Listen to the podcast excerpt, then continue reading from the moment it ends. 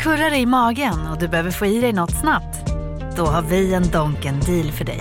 En chicken burger med McFeast-sås och krispig sallad för bara 15 spänn. Varmt välkommen till McDonalds. Hej, Synoptik här.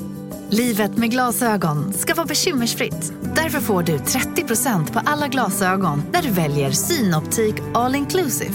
All service ingår alltid. Välkommen till Synoptik.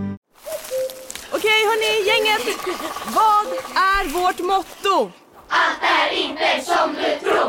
Nej, allt är inte alltid som du tror.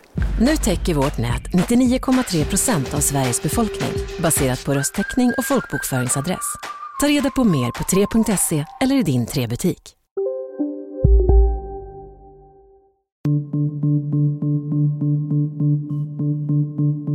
Rätt många håller med ganska mycket av vad Moderaterna tycker, men man litar inte på, kommer vi hålla linan ut?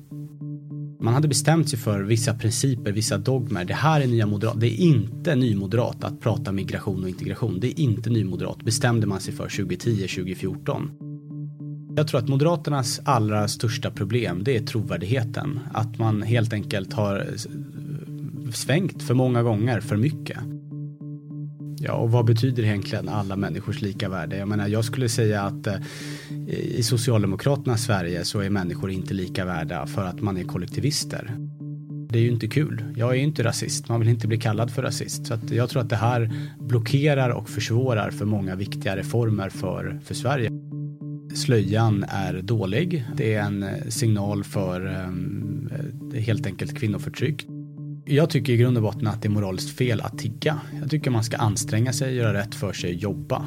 Om man då aktivt år efter år väljer bort det, då tycker jag att det är moraliskt förkastligt.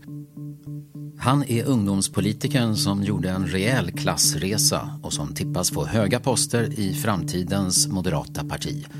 Han kallar sina generationskamrater för snöflingor, känsliga och självupptagna och tackar sin mor för att han inte blev fattig och hamnade i utanförskap.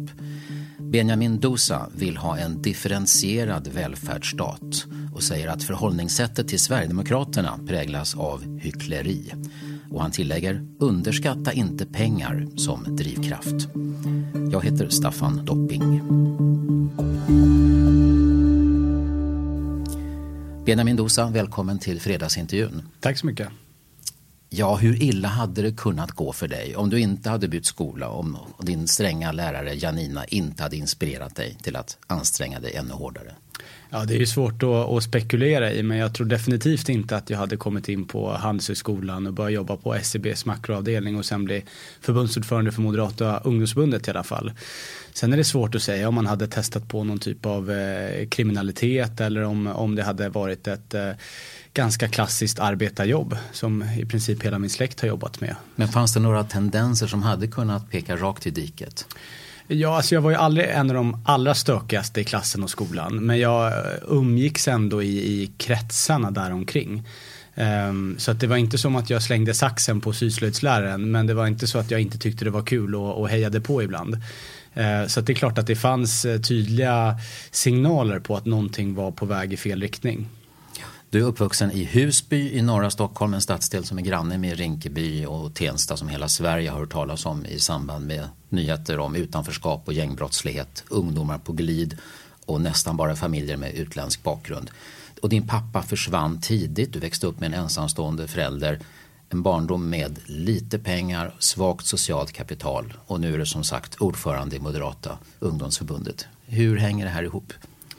Ja, jag får ju ofta den frågan, men hur kommer det sig att du blev moderat egentligen? Jag menar, din mamma är ju gammal städare och du kommer från arbetarbakgrund och, och uppvuxen under ganska ändå tuffa förhållanden i bemärkelsen att det inte var mycket pengar. Sen var ju, jag kommer ju inte från något missbrukarförhållanden eller någonting sånt. Så jag väljer, jag brukar inte se det som att jag är någon typ av maskrosbarn eller så. Utan tvärtom, när man är barn så märker man ju inte att man inte har så mycket pengar. Utan man jämför ju sig med kompisarna som bor man bor granne med och fotbollslaget och i klassen och så. Så att jag tycker under hela min uppväxt har jag inte tyckt att jag har haft det särskilt tufft eller, eller svårt. Men jag får ändå den frågan rätt ofta. Hur, hur blev du muffare och, och varför blev du moderat?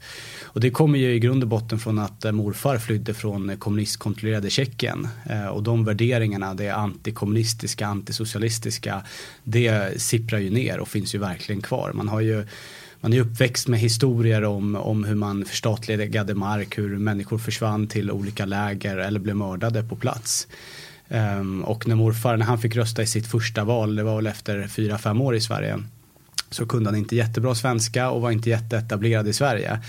Men eh, tyckte ändå att det var viktigt att gå och rösta och då frågade han sin chef, ja, men vilket parti står längst ifrån kommunisterna? Mm. Och då sa chefen, nej men jag tänker inte påverka ditt val och du får fatta ett medvetet val och sådär. Och, och då sa morfar, nej men jag kan ju knappt läsa tidningar, jag vet inte så mycket om sakfrågor.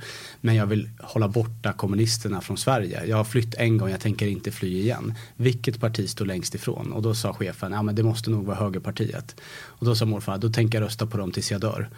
Eh, och det präglar ju min, min släkt fortfarande. Så din morfar och din, din mor då är två centrala personer verkligen för dig? Ja, definitivt. Du har skrivit om, om, din klassresa i den nätta pocketboken Snöflingorna faller över Husby och om jag skulle försöka sammanfatta budskapet i boken så blir det Ta dig i kragen, klaga inte på det som är jobbigt utan kämpa på och satsa på dig själv. Det är bra sammanfattning.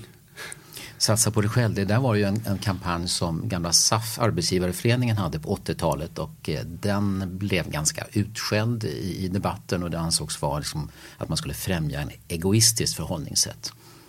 Ja, och jag, men jag tycker i grund och botten har man först ett ansvar för sig själv, ett ansvar för sin familj och sen kan man börja ta ansvar över, över andra saker och ting.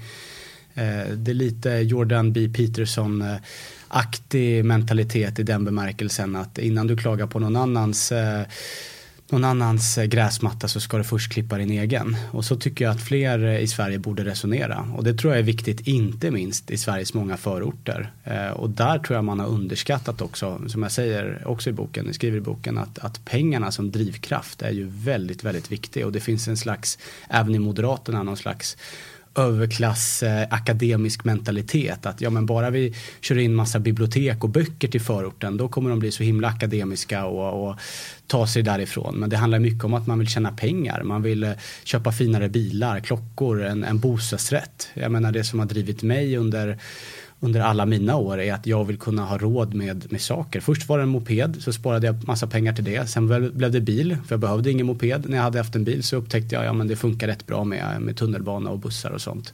Och då blev det en bostadsrätt. Så det har alltid varit det ekonomiska som har varit drivkraften.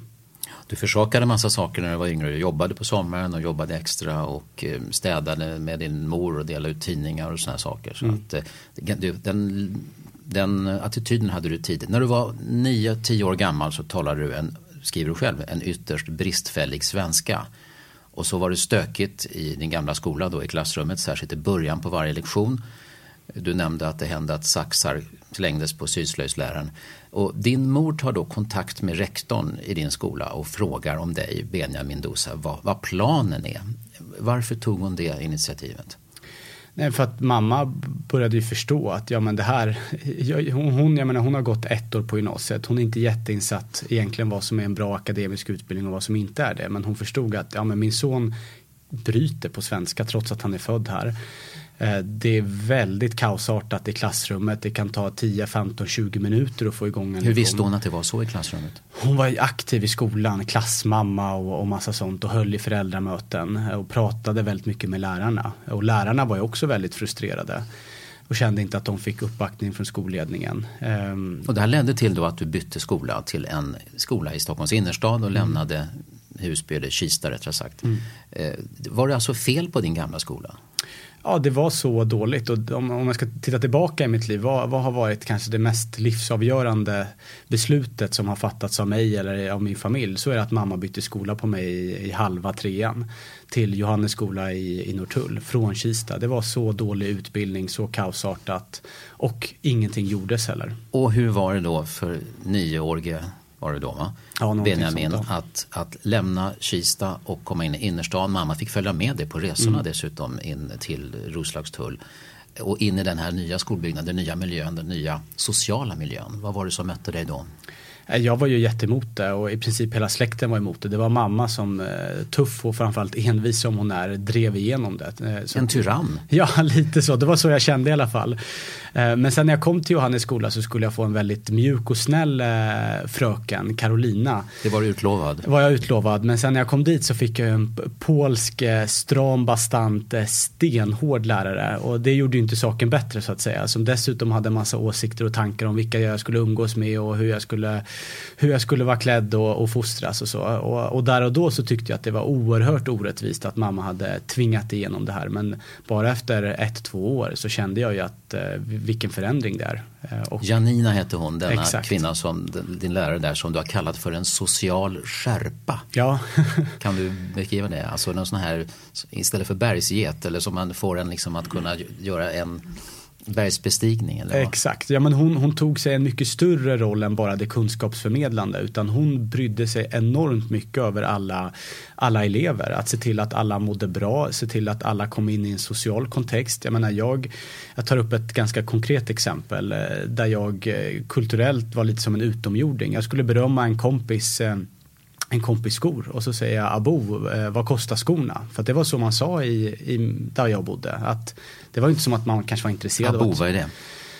Det är svårt, svårt att förklara men det är väl, eh, det är väl halvt en hälsningsfras eller Uddu? Eller så. Ja, exakt. Lite så. Ja. Ehm, och, och då frågade man vad, vad kostade skjortan, vad kostade kläderna, vad kostade fotbollsskorna? Och det var mer som ett sätt att säga, gud vad schyssta skor du har, sådana skulle jag också vilja ha. Men du sa ju nyss att du tycker pengar är en bra drivkraft. Ja, exakt. så. Ja. Men det där var helt, helt nej, fel. Nej, så, så gjorde man inte på Johannes skola. Det gjorde Janina det väldigt tydligt. Att då säger man vad fina skor du har och så var man intresserad av att köpa dem. Då kunde man fråga, köpte du dem på Intersport eller Stadium?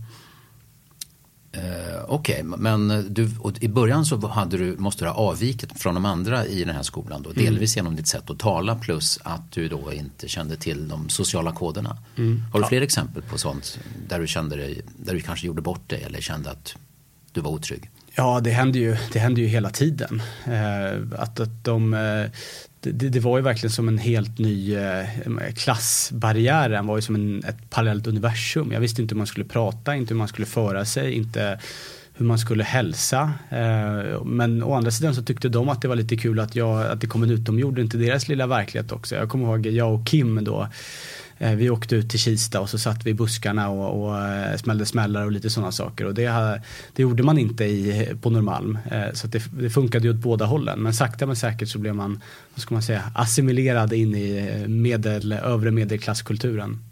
Men det tog ett tag innan du kände dig trygg med den stenhårda Janina lät som mm. ett, eller två år. Och trots att du alltså är född i Sverige och eh, din mamma är ju svensk. Ja? Så fick du alltså börja läsa svenska som andraspråk. Mm. Det, så var det. Eh, och jag kommer fortfarande ihåg de, ett par av de lektionerna. Eh, hur, man, eh, ja, hur jag och Elias, en helt nyanländ grek som knappt kunde några, några ord på svenska, hur vi fick gå iväg till ett eh, mycket mindre klassrum. Där det bara var jag, han och Janina helt enkelt. Och vi gick igenom helt andra helt andra saker än de andra på svensklektionerna. Eh, och framförallt det jag kommer ihåg som verkligen har satt sig, det är ju böckerna. Hur alla läste helt vanliga ungdomsböcker, kalla kårar och den typen av, av ja, men lite små deckare. Kanske någon bild var femte, var sjätte sida och jag läste böcker där halva var, var, var, var bild och halva var text. Och då handlade det om jag tar upp ett exempel i boken, grönsaker och morötter som pratade med varandra och hade hattar på sig. Och det tog lång tid att läsa en sån bok för mig. Och så var det några tjejer i klassen som läste Harry Potter och just den här känslan att wow, om jag en gång har kapacitet och förmåga att läsa Harry Potter, då har jag verkligen lyckats. Uh, och det var ju bara jag och i princip Elias som läste de här morotsböckerna. Alla andra läste vanliga ungdomsböcker. Till dagspolitiken ja. eh, nu. Eh, Moderaterna blev alltså ditt parti och nu efter valet i september så var planen från de fyra partierna i den forna alliansen att Ulf Kristersson skulle bli statsminister. Trots att valresultatet var skralt för allianspartierna. Men nu har vi en helt annan regering. Vad är din förklaring till att Moderaterna inte har någonting med regeringsmakten att göra idag? Ja, Centern och Liberalerna är väl det snabba svaret. Nej, men jag, jag, jag trodde ju på valnatten att visst, eh, 19,8 är inte så himla bra historiskt för Moderaterna. Vi borde ligga på eh, 24-25 kan jag tycka, men kanske kommer till det senare. Men trovärdighetsproblemet drog ju ner oss tror jag.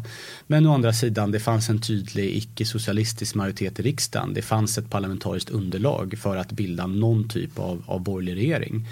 Eh, att man inte tog den chansen, det tror jag är ett historiskt misstag. Och jag tror, om jag ska vara helt ärlig, jag tror ju att hade man prövat en alliansregering, då hade den nog röstats ner av Sverigedemokraterna.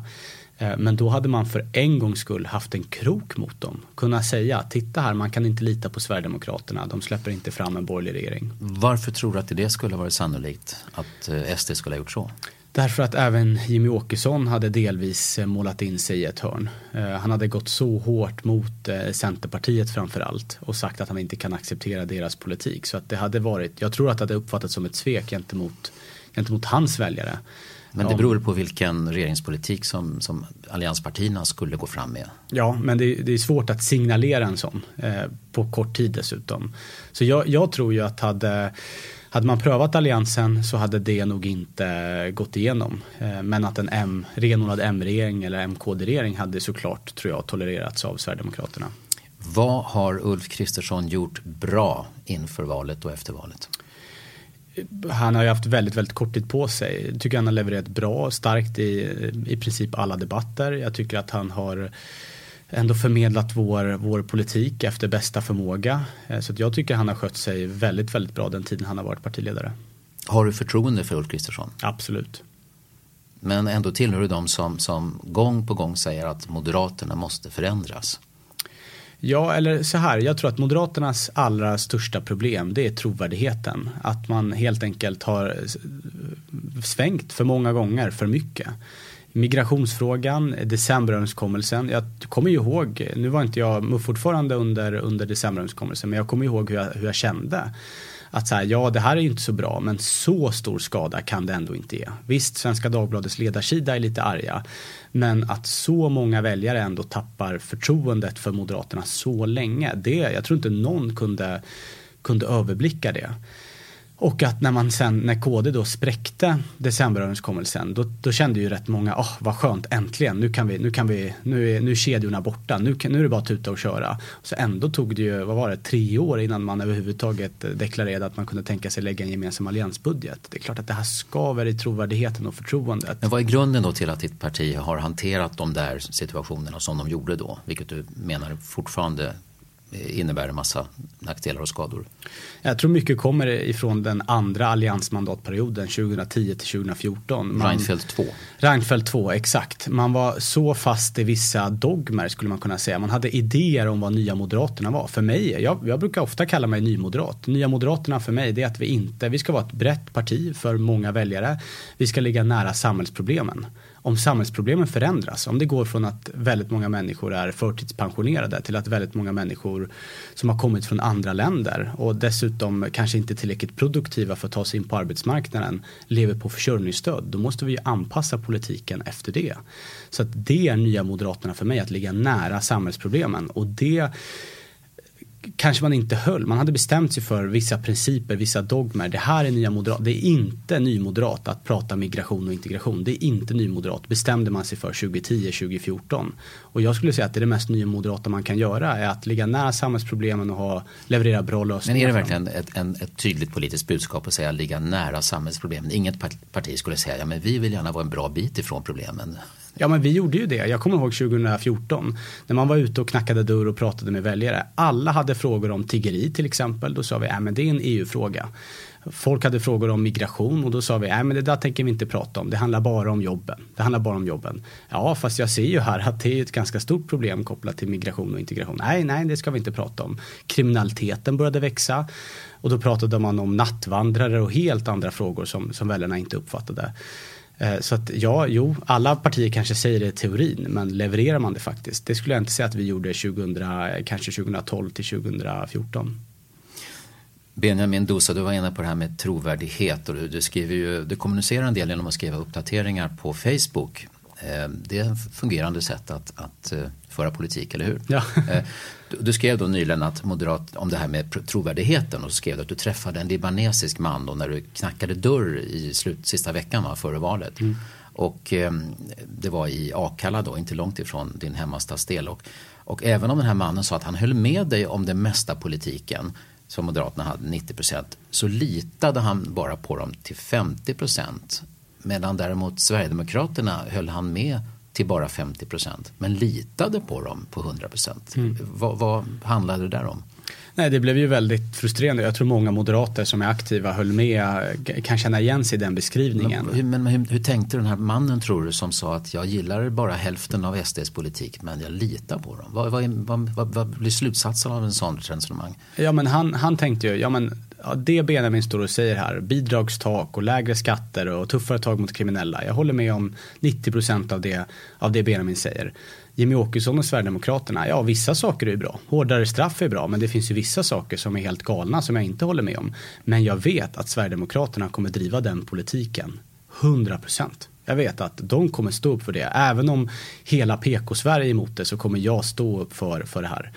Eh, medans eh, Moderaterna, de kanske, vi kanske svänger. Vi kanske säger bidragstak idag men så säger vi att nej men det blev lite för jobbigt i, i motvind här så nu släpper vi bidragstaksfrågan. Så att eh, det tror jag är vårt allra, allra största problem nu, just nu. Att rätt många håller med ganska mycket av vad Moderaterna tycker men man litar inte på, kommer vi hålla linan ut? Går det där att reparera inom överskådlig tid? Ja, det tar ju inte ett halvår att reparera det. Eh, utan det tar, det tar nog år. Och därför tror jag att de senaste, ja sen, sen valnatten, sen valrörelsen, att vi ändå har stått pall, att vi inte har släppt fram Stefan Löfven. Hade vi släppt fram Stefan Löfven då hade vi varit ett 10% parti i bästa fall 2022, i bästa fall. Eh, så att jag tror att det som har hänt de senaste månaderna det är början på att sakta, sakta, sakta men säkert återuppbygga förtroendet. Sverigedemokraterna är ett rasistiskt parti med nazistiska rötter. Det är en vanlig fras när andra partier motiverar att de vill särbehandla SD och hålla partiet borta från allt inflytande. Men du talar inte om Sverigedemokraterna på det sättet. Varför inte?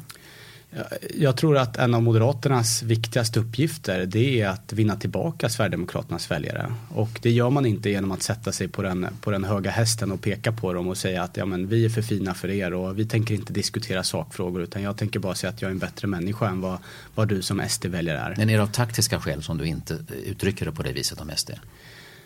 Ja, sen, för, att, sen, för att vinna den här... Ja, men sen tycker jag inte, om man tar SD-väljare, jag tror att en väldigt, väldigt liten minoritet av Sverigedemokraternas väljare är rasister eller nazister. Jag tror att den överväldigande majoriteten är helt vanliga svenskar som är trötta på att saker och ting grundläggande i samhällskontraktet som polisen, som, som sjukvården inte fungerar och är frustrerade. Anser du att Sverigedemokraterna är ett parti som alla andra? Uh, nej, det skulle jag nog inte säga. De har nog, om man ska vara helt ärlig, jag tror att de har fortfarande en del uppstädningsprocess kvar. Uh, och jag tror att det hade varit, hade jag varit uh, sverigedemokratisk partistrateg så hade jag nog anställt en kompetent oberoende forskare och gått igenom hela partihistorien. Vad, vad är det som egentligen har hänt i det här partiet?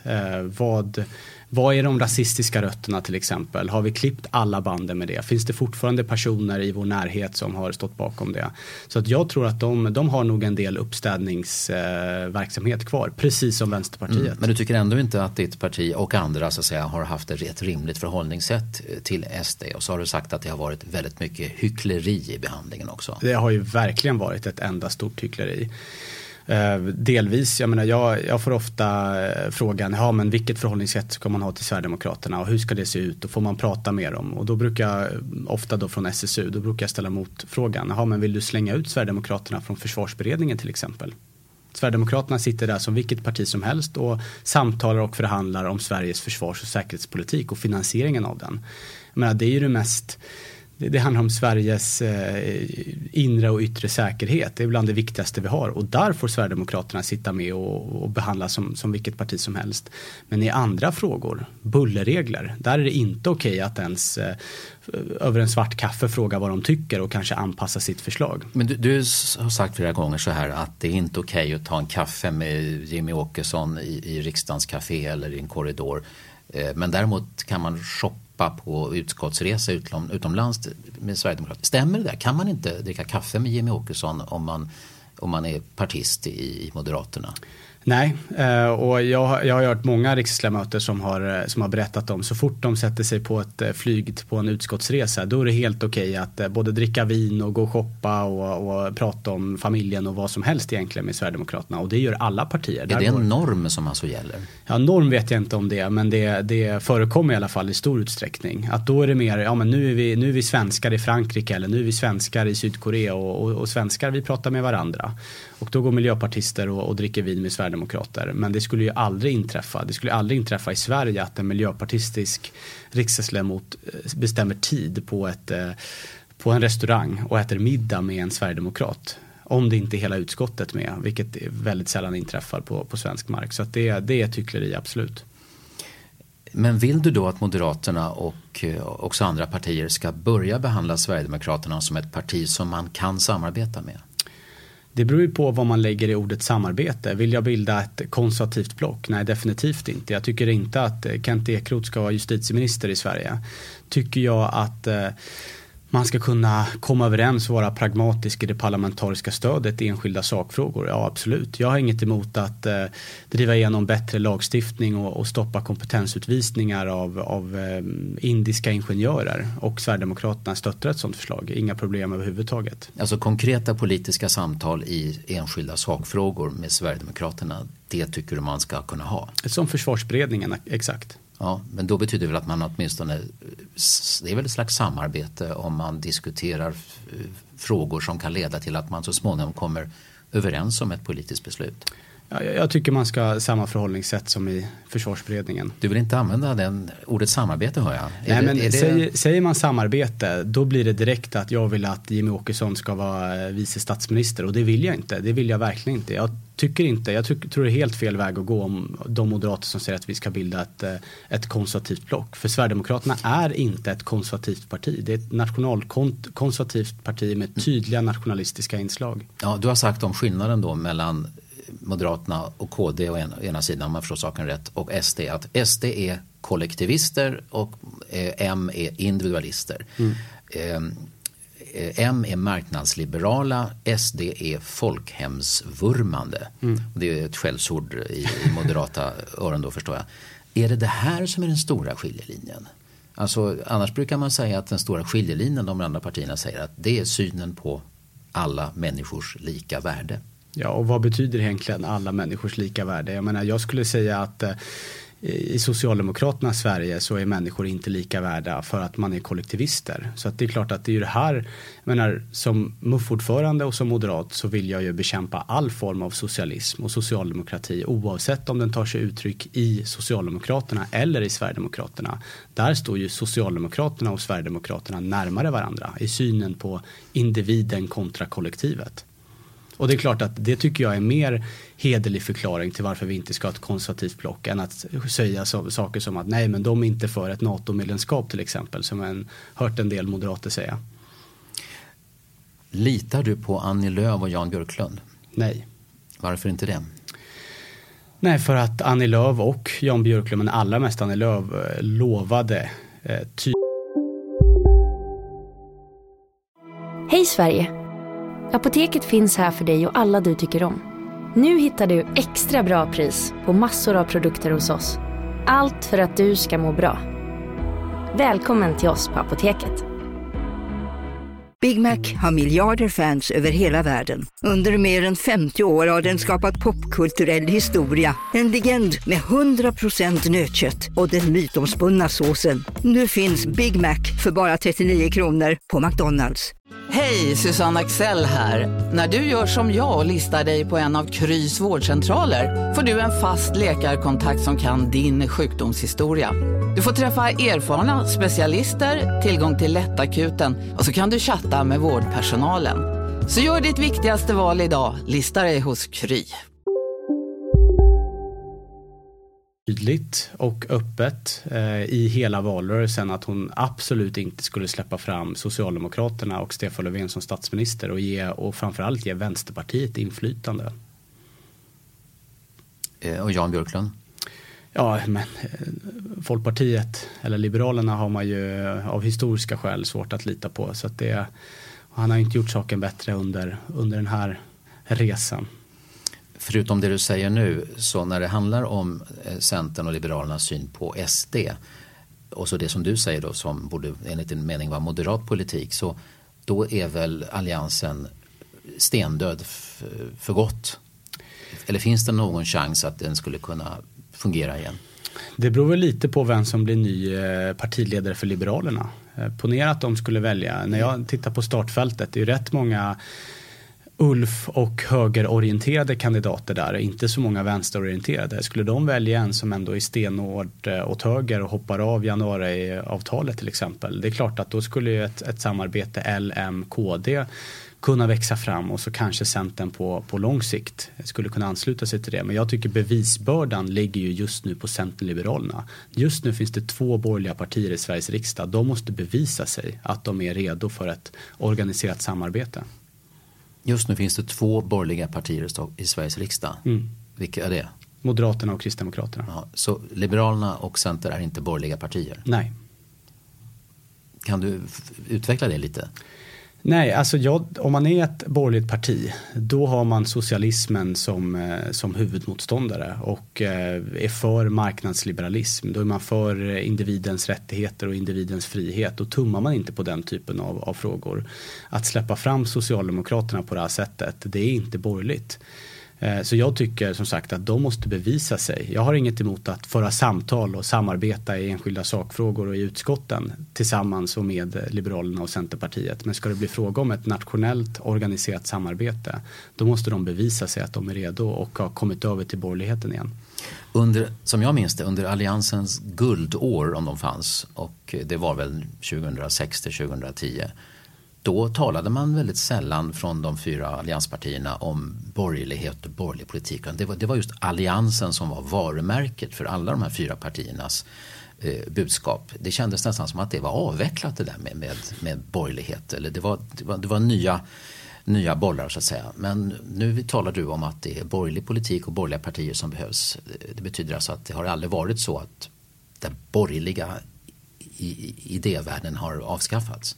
Nej, definitivt inte. Sen har ju kanske inte det ordet behövts för att man har tagit det som, som en sanning oavsett så. Så jag tror att det, och det finns ju en, en tydlig jag menar när jag säger borgerlig, det är klart att det är en, en tydlig armbåge till Centern Liberalerna men det är också en tydlig, arbe, en, en tydlig armbåge gentemot Sverigedemokraterna. Sverigedemokraterna är inte ett borgerligt parti. Eh, så så det går ju åt båda hållen. I den skånska kommunen Staffanstorp har de styrande moderaterna inlett ett nära samarbete med de lokala Sverigedemokraterna. Helt i strid med vad partiledningen i Stockholm vill ha. Vad anser MUF och du om ett sådant samarbete? Ja, man samarbetar med Sverigedemokraterna och så höjer man skatten med 40 öre. Jag tycker inte att det är särskilt moderat hanterat överhuvudtaget. Eh, jag skulle nästan säga att om Christian Sonesson inte drar tillbaka den skattehöjningen under mandatperioden då tycker jag nästan att han borde stiga åt sidan. Du är så pass kritisk mot det, det, hur han har lett Moderaterna i Staffanstorp. Ja exakt, jag gick med i Moderaterna och ett av de vikt, en av de viktigaste frågorna har ju alltid varit skattefrågan för oss. Att då eh, samarbeta med Sverigedemokraterna och eh, trots att det finns en alliansmajoritet i kommunen och bland det första man gör det är att höja skatten. Då undrar man ju, är han verkligen moderat, Christian?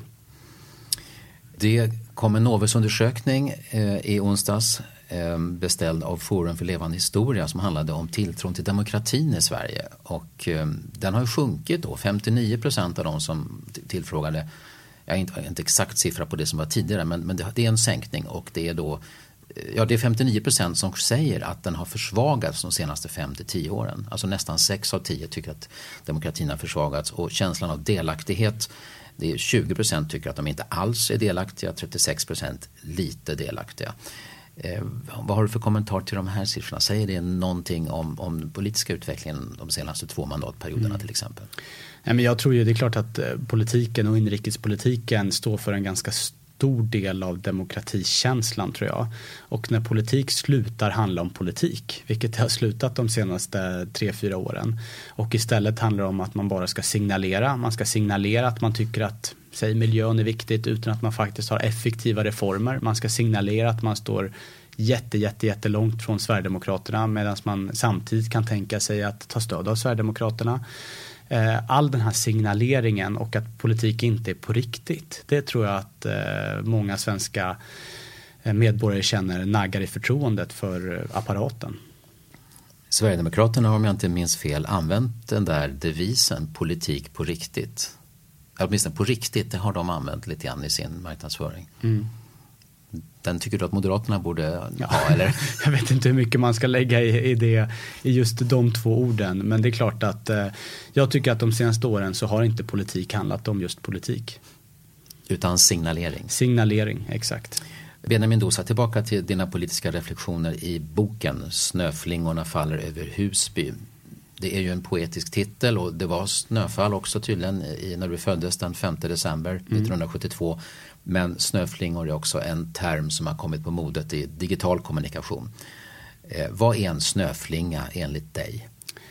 En snöflinga är en lättkränkt, ömtålig eh, individ som å ena sidan om man ska inte bara klanka ner på snöflingorna är väldigt individualistiska. Tycker att det man får klä sig och vara lite som man vill. Å andra sidan är väldigt, väldigt ömtålig, tåls inte att kritiseras. Tycker att allting i världen och universum kretsar kring en själv. När jag söker jobb på på kvartal så är det snarare vad kvartal kan ge för mig än vad jag kan ge kvartal så att säga. Söker du jobb? Nej men du, du eh, som, som ung, ungdomar, jag har pratat med många rekryterare när jag skrev boken, att det var väldigt, eh, det har skett ett generationsskifte. Att många unga nu frågar vad, vad, bara vad arbetsplatsen och arbetsgivare kan innebära för ens egna möjligheter och att kanske synas på Instagram och Facebook snarare än vad man själv kan generera till aktieägarna. Men du är ju individualist. Absolut. Så det, då är du lite snöflinga själv då? Ja, Nej, men jag skriver om det att det här är ju Å ena sidan har det ju sett, eh, skett vissa kulturella förbättringar sen eh, folkhemstiden och jantelagen. Eh, återigen, individualismen har växt sig rätt stark i Sverige och det finns rätt mycket evidens för i datan också. Men att det har blivit någon slags överdriven individualism så att man blir ömtålig och inte tål kritik och att man är fast i sin egen ekokammare. Eh, du använder också ordet solipsist. Det är ju en filosofisk term, eller solipsism. Mm. På vilket sätt hänger det ihop med, med det som den unga generationen enligt dig då präglas av? Ja, lite att det inte finns en objektiv verklighet utan eh, min, min verklighet, det jag ser, det jag upplever, det jag känner. Det jag känner, mina känslor, det är viktigare än hur det kanske faktiskt eh, ligger till. Motsatsen är att man är realist och tror att verkligheten faktiskt kan förändras och att det finns en verklighet som vi tillsammans har och är och lever i. Ehm, och det skulle jag säga är den eh, filosofiska beteckningen på, på just eh, att vara en snöflinga. Man skulle kunna tro då att din pil här riktas mest mot, mot vänsterlutande röster men du skriver också att det finns högersnöflingor skriver du i boken. Mm. Vad präglar de då?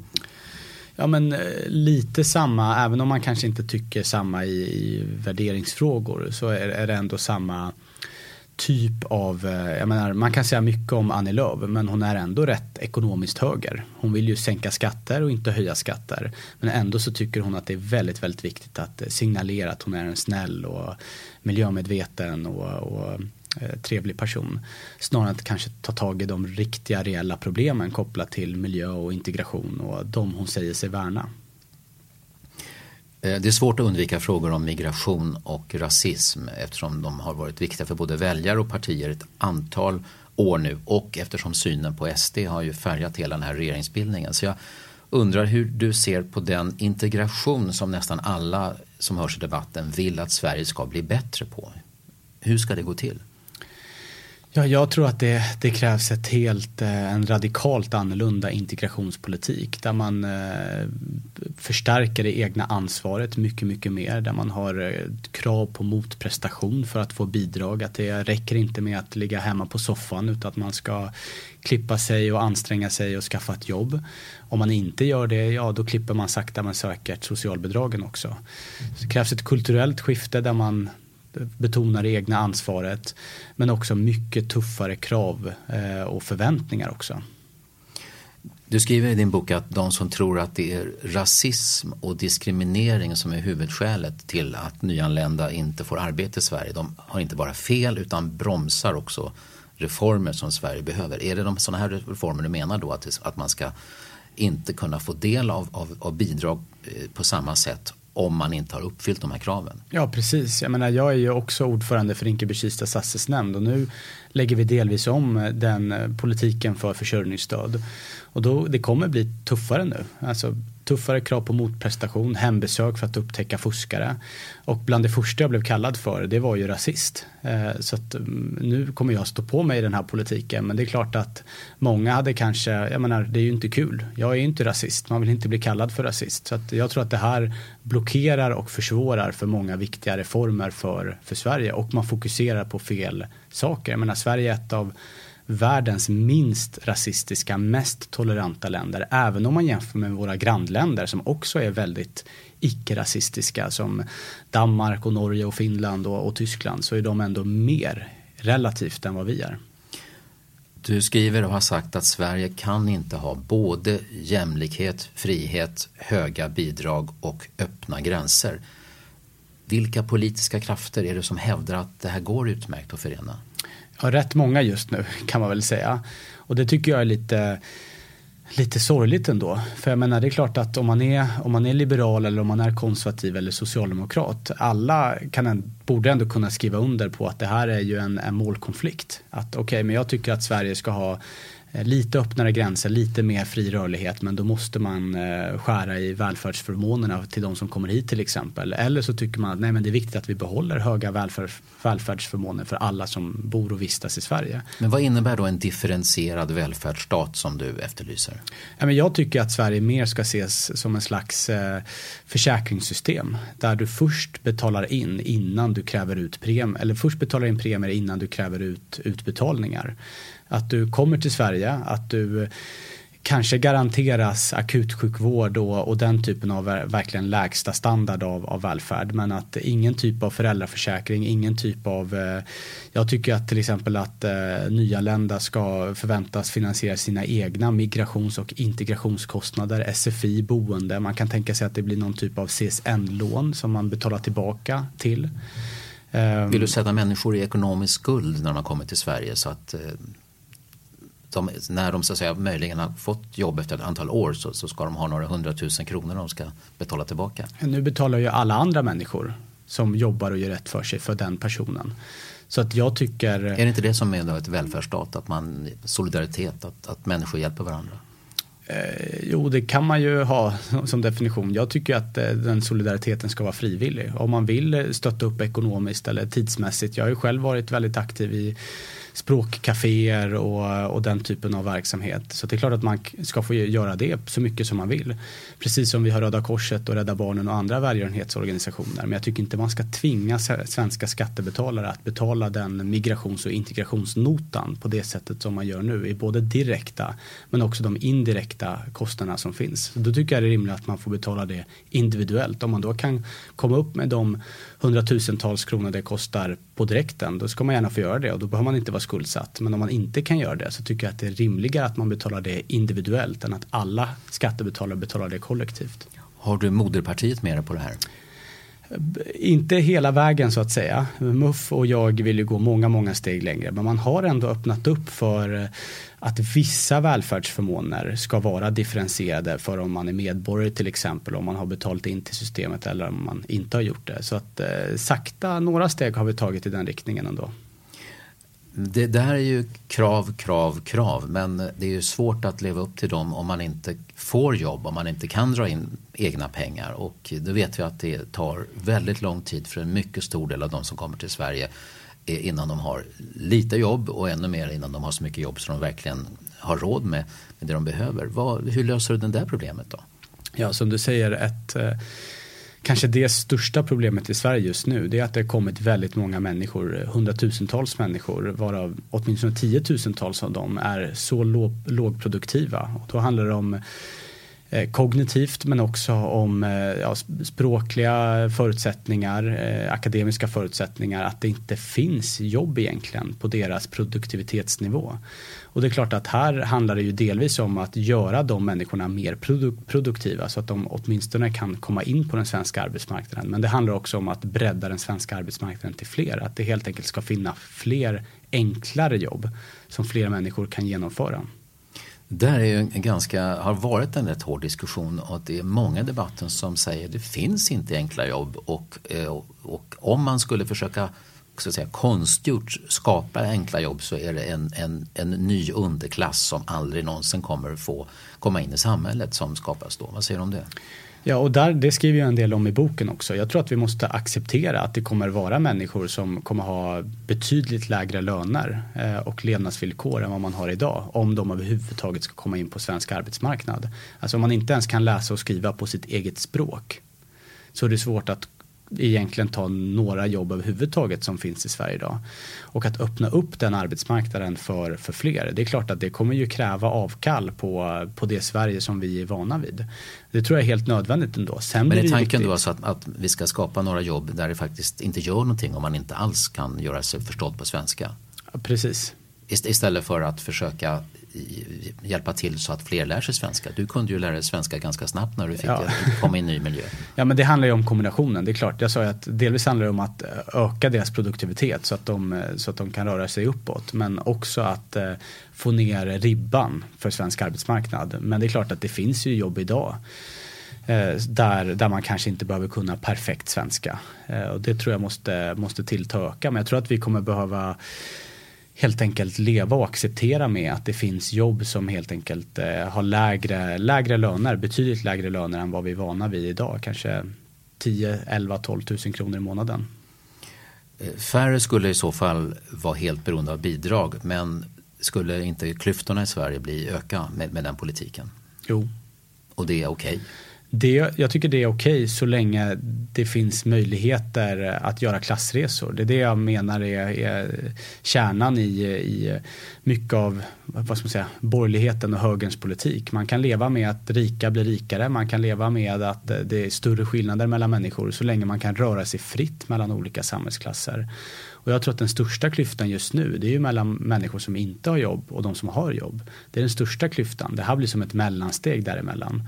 Och om man inte gör någonting överhuvudtaget, om de här människorna fortsätter att i generationer, att man ärver sitt, sitt bidragsberoende från sina föräldrar, kommer det leda till mycket mer kriminalitet, utanförskap eh, och social utsatthet, eh, missbruk. Så att det här är ju ett steg att helt enkelt få bort det från Sverige. Några frågor som kanske är lite släkt med det här. Eh, det, diskussionen om slöja eller huvudduk blossar upp ibland.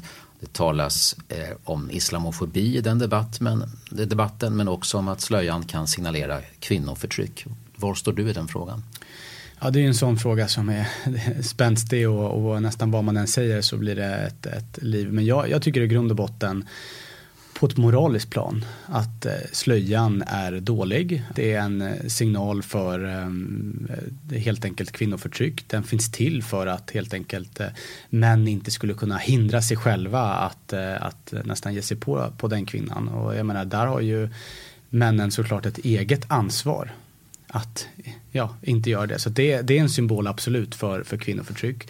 Sen tycker inte jag att det ska finnas lagstiftning. Är man vuxen kvinna då ska man såklart kunna ha på sig både, både burka tycker jag och slöja för den delen. Om man är vuxen kvinna, vad, vad, när det handlar om barn då i, i skolan till exempel? Ja, barn, barn blir ju en helt annan fråga och här blir det ju en väldigt svår gränsdragningsproblematik. Är man 17 ska man inte få bestämma sin klädsel fritt då? Jo, det tycker jag, men är man 6, 7, 8 år då tycker jag att vi börjar verkligen närma oss tangera gränsen. Det är två delar. Som liberal så finns det ju två vågskolor här. Vågskolor här. Å ena sidan så tycker jag ju att man själv, men familjen ska få bestämma så mycket som bara möjligt. Å andra sidan så tycker jag att det är fel att man förtrycker sina kvinnliga familjemedlemmar. Så var hamnar balansen då när du har gjort den här avvägningen? Men jag tycker att i viss verksamhet så borde man, offentlig verksamhet, borde man kunna ställa krav och ha förväntningar på att här har vi faktiskt ingen slöja på, på barnen. Eh, skolan, idrotten, den typen av verksamhet. Eh, å andra sidan, och man ska absolut inte anpassa simundervisning, eh, den typen av, av aktiviteter för, för papporna i familjerna.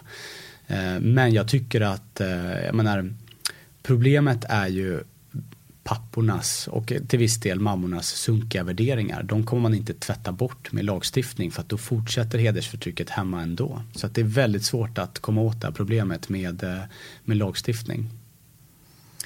Eh, just nu är debatten het om svenskar som har anslutit sig till IS och, och stött organisationen där i Syrien eller Irak i flera år men som nu vill återvända till Sverige. Vi har ju sett dem och hört intervjuer eh, från det. Många av de här har också barn och samtidigt kan det finnas svårigheter att bevisa brott. Hur bör vi göra?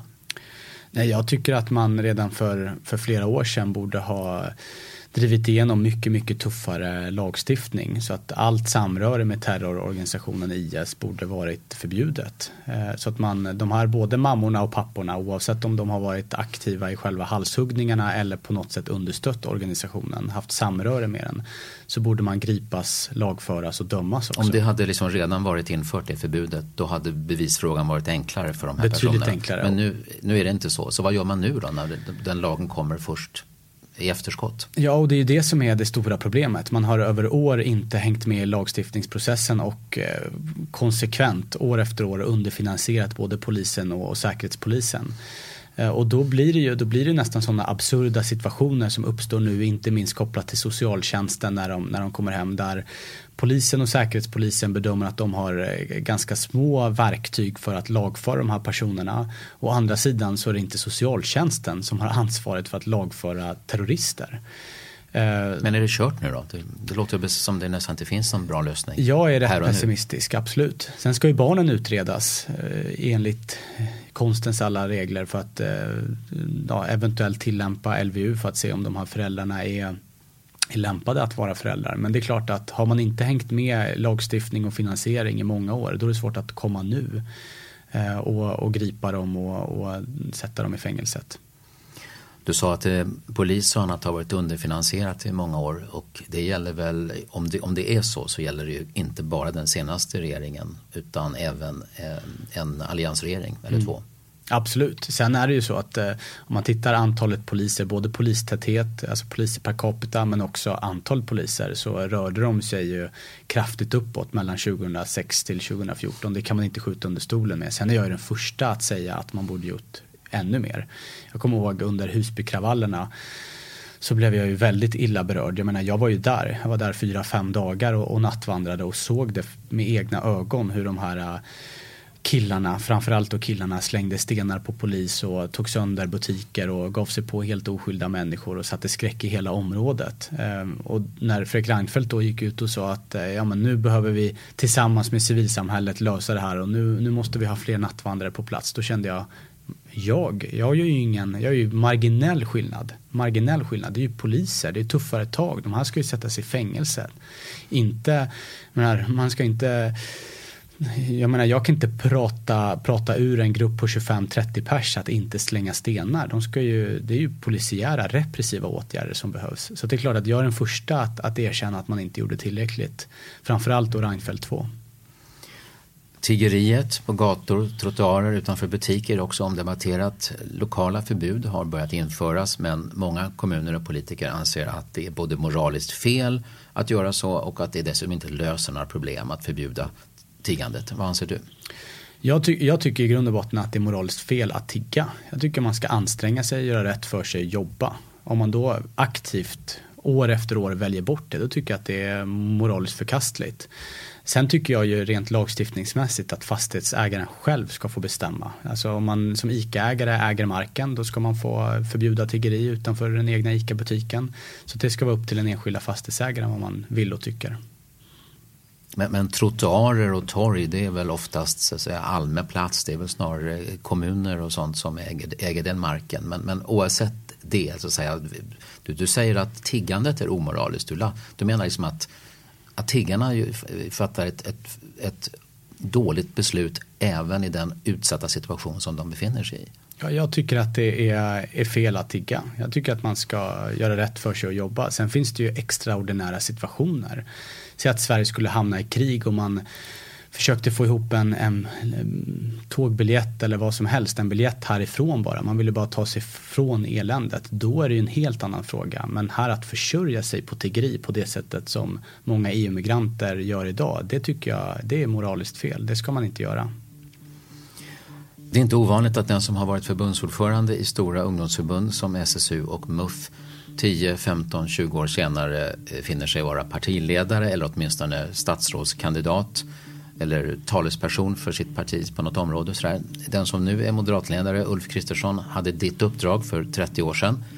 Var ser du dig själv om 10-20 år? Ja, inte som partiledare i alla fall. Nej, jag, jag, var, var, var, varför var det där så självklart svar? Nej, jag, jag ser mig inte som, som politiker. Jag, det är klart att det är viktigt att vara politiskt engagerad och jag tycker att Sverige behöver gå i en mer eh, liberal och liberal konservativ riktning med mer marknadsekonomi. Nu var frågan vad du ser dig om ja, 10-20 år. Ja, jag ser mig själv om 10-20 år som eh, ekonom någonstans. Jag menar jag är utbildad ekonom, skulle gärna fortsätta med det. Jag jobbade med det innan jag blev förbundsordförande. Jag ser det politiska uppdraget som man sitter på, på lånad tid och så förvaltar man det efter bästa förmåga. Benjamin Mendoza, tack för att du var med i fredagsintervjun. Ja, tack för att jag fick komma.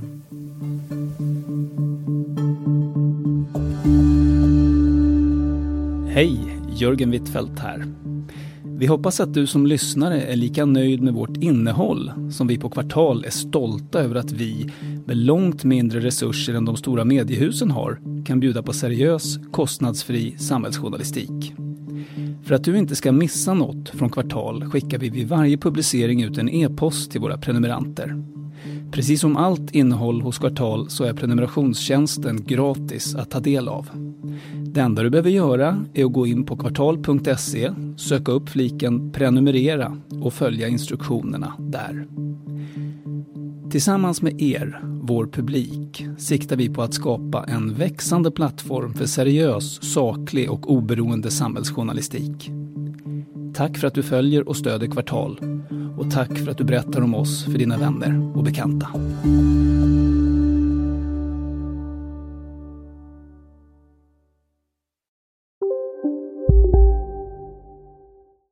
En nyhet. Nu kan du teckna livförsäkring hos Trygg-Hansa. Den ger dina nära ersättning som kan användas på det sätt som hjälper bäst. En försäkring för dig och till de som älskar dig. Läs mer och teckna på trygghansa.se. Trygg Hansa. Trygghet för livet.